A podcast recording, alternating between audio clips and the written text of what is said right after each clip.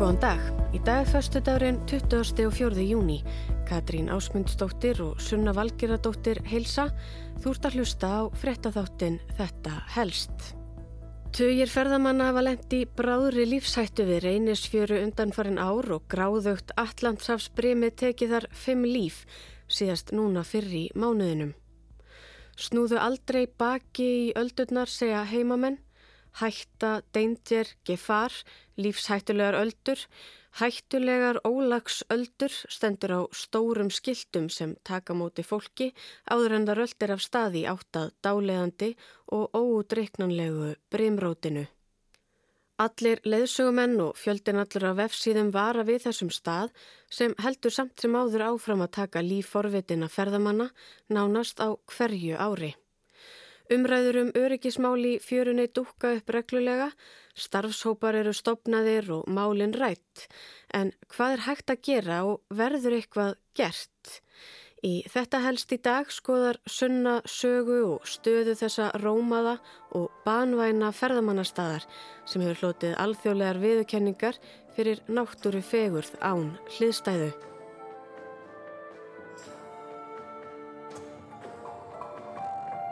Hér blasir við sjálf dýrhóla ei sem er síðst í otti Íslands og náttúrann hérna er stórbrotin. Reynistrangar við Reynisfjöru eru nokkrir klettadrangar alltaf 66 metra háir úti í sjó sunnan við Reynisfjall í Mýrdal og blasa vel við bæði úr Reyniskverfi og frá Vík í Mýrdal. Drangarnir eru myndaðir í eldsumbrotum en gömul þjóðsaga segir að þeir hafi orðið til þegar tvö tröll hafi ætlað að draga þrísilt skipa landi en verkið tók mun lengri tíma en þau hafðu ætlað svo að þegar dagur rann urðu tröllin að steini og skipið einnig. Næst landi er landdrangur sem á að vera tröllkallin, þá er langhamar eða langsamur, síðan skessudrangur sem einnig kallast háedrangur eða mjóedrangur og hjá honum er svo lítill drangur sem kallast steði. Töluvert fugglavarpir í draungunum bæði fíll, lundi og langvíja og fóru íbúa reynis hverfist þanga til eggjatöku um langan aldur. Það var þó oft erfitt því bæði var mjög oft brema samt við drángana og eins eru þeir víða íllklefir eða jafnvel óklefir með öllu. Nú er bóðið upp á siglingar í kringum drángana til þess að skoða þá og fjölsgrúðugt fugglalífið. Svona hljóðar eina fáum almennilegum íslensku lýsingunum á náttúrunni við reynisfjöru sem við fundum á internetinu. Reynisfjara er nefnilega frægari þessa dagana fyrir margt annað en reynistranga. Oh oh Reynisfjara við Vík í Mýrdal var í fyrra valin sjötta besta strönd heimsins af alþjóðlegri og velþægtri ferðasíðu Big Seven Travel. TripAdvisor, einn vinsalasta ferðasíða heims, valdi Reynisfjöru 14. bestu ströndina í Evrópu á sama tíma. Vefsíðan Flight Network setti reynisfjöru líka á listan sinn sem eina bestu strönd í Evrópu. Þannig að já, þetta er vinsæl staður, enda náttúru fegurðinn þarna við ströndina við Viki Myrdal nánast ólýsanleg. En ekki alveg þó. Ef leitað er að niðurstöðum um reynisfjöru á netinu byrtast þúsundir síðna á ennsku fyrir ferðamenn sem lýsa fegurðinni, aðgenginu og sögu þessara rómuðu fjöru. Tittlar íslensku vefsíðnana bera hins vegar flestir með sér að reynisfjara sé ekki aðeins falleg, heldur líka lífshættuleg. Reynisfjara er af mörgum talin fegursta strönd Íslands. National Geographic hefur valið fjöruna eina þá fegurstu í heimi utan hitabeltisins. Umvafin risavöksnu Stuðlabergi, öskrandi, Allandshafsöldum og ægifárum sjóndeldarhing. Leitarorðið Reynisfjara gefur upp nokkra fleiri möguleika á Google, eins og Reynisfjara Death eða Reynisfjara Döðsfall. Why is Reynisfjara dangerous? Af hverju er Reynisfjara hættuleg? Reynisfjara Sneaker Waves reynisfjara laumuöldur. Hvernig á að vera heimskur á Íslandi?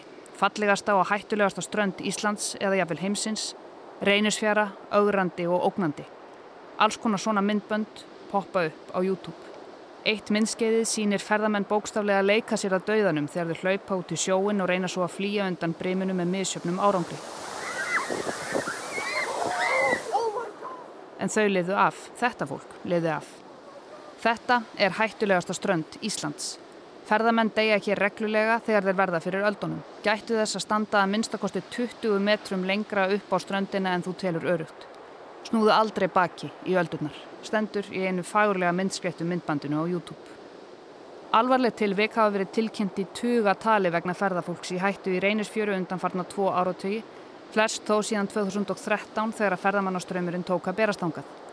Fimm hafa látið lífið í breminu á þessum átta árum, drukna þegar öldurnar ná takja á þeim eða kramist til bana á klettónum. Stundum hafa börn lendi í bráðri lífsættu þegar þau rasa í sjávarmálunu og öldurnar hrifsaðu til sín en það hefur blessunarlega bjargast fyrir hort end sem komið er. Síðasta döðsfallið var núna í júni.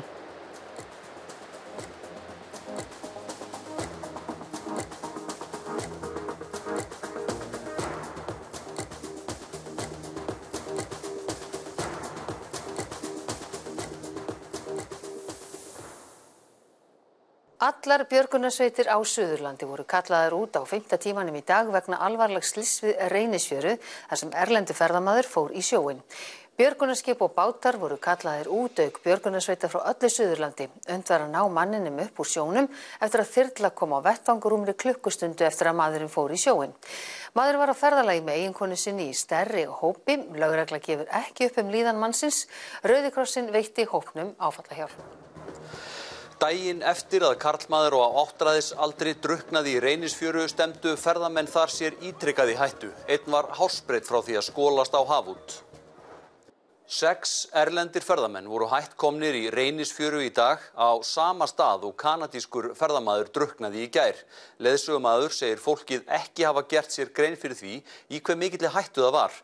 Ferðamenn sem stóðu í flæðamálinu töldu sig geta synd í land ef aldan næðiðum. Það var í gær sem að kanadísk hjón stóði hér í flæðamálunum, rétt við það sem að svarti steinnin er, þegar Alda hrifsaði þau með sér. Það var ekkert að ná manninum strax á land, en það dýfkar hér mjög hratt út frá landi, um 8 metra djúft bara rétt það sem Aldan brítur á landinu. Og það er ekki bara kröftugt ölduróti sem er erfitt að fóta sér heldur er mikið á sand og grjóta og reyfingu. Fyrir snarraði tóst leðsumanni að hrifsa konun á land og þegar hún náðist á land voru vasarnir á úlpunni fullir á grjóti.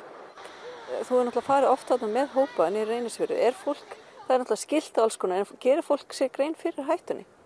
Nei, bara enga með því. Það er allt og algengt að sjá fólk, jáfnveg með bara pínu lítil bak. Eða hvernig líst þér að fólki sem situr þarna í klettunum? þetta er náttúrulega, sko, þetta er náttúrulega bara fáranlegt. Kanski við veit viðkomandi ekki í hvaða hættuðar hann er akkurat núna en þetta er stór hættulegt vegna þess að öldurnar þegar þessar stóru þegar þær koma annars vegar þá geta þær bara getið þennan veist, og tekið það með sér út og sá sko. þær eru það óbóslega sterkar og háar sko.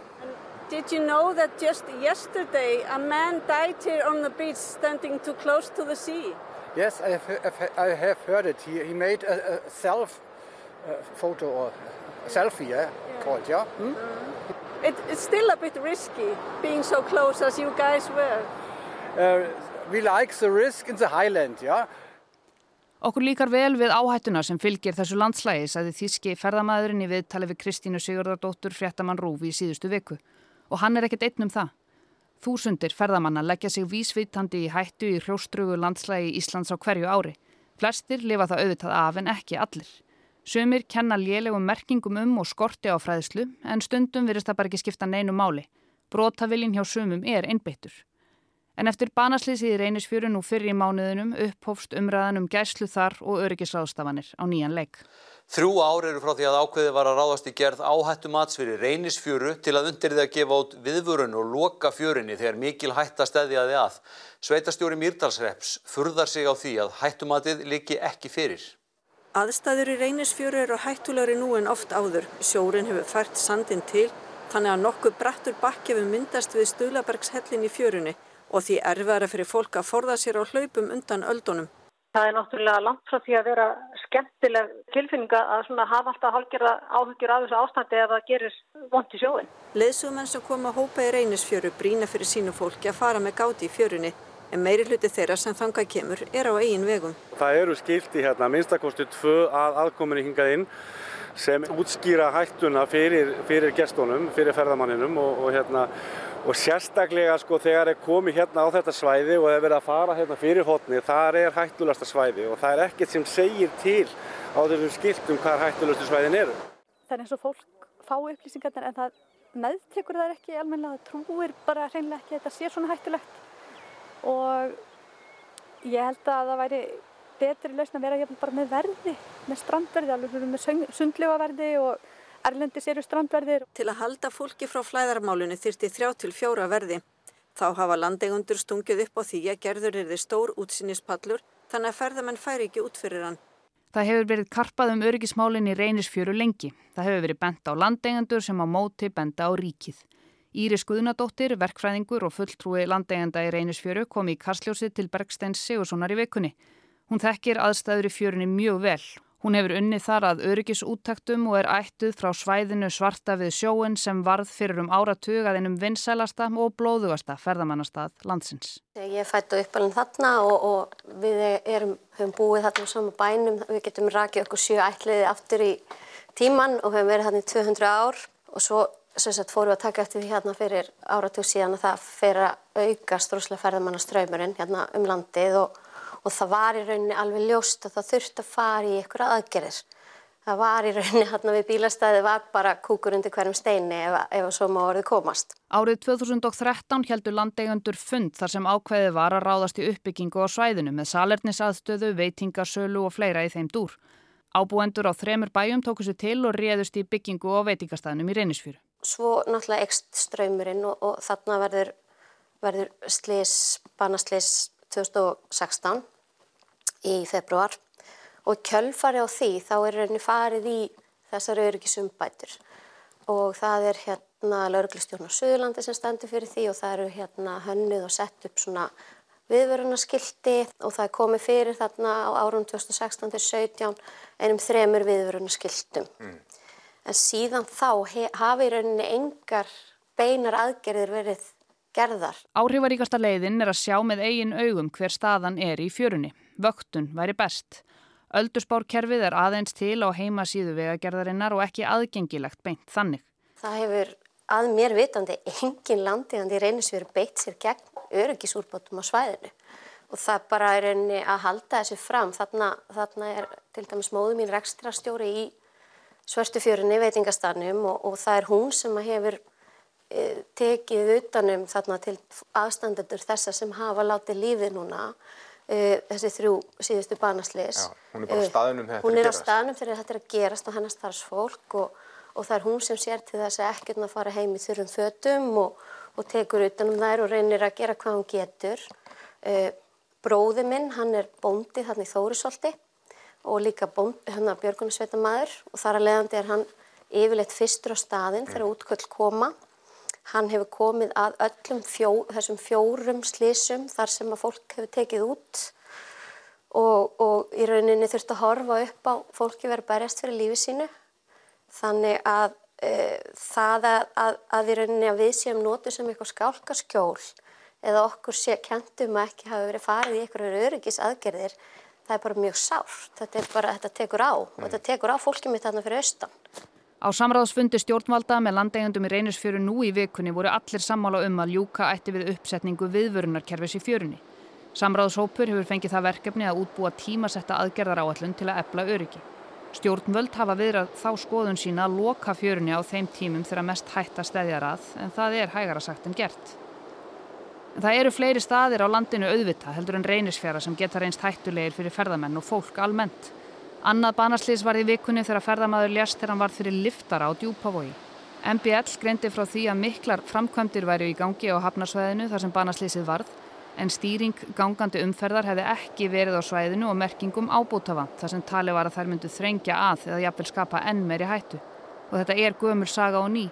Fórnarkostnaðurum við ferðalögum Ísland getur reynst hræðilega mikill og á hverju ári verða hér banaslýs sem mögulega hefði verið hægt að koma í veg fyrir. Vonandi verður hægt að tryggja öryggi ferðamanna í reynisfjöru eins mikið og mögulegt er þó að það verður líklega aldrei hægt að koma alfarið í veg fyrir sliðsin.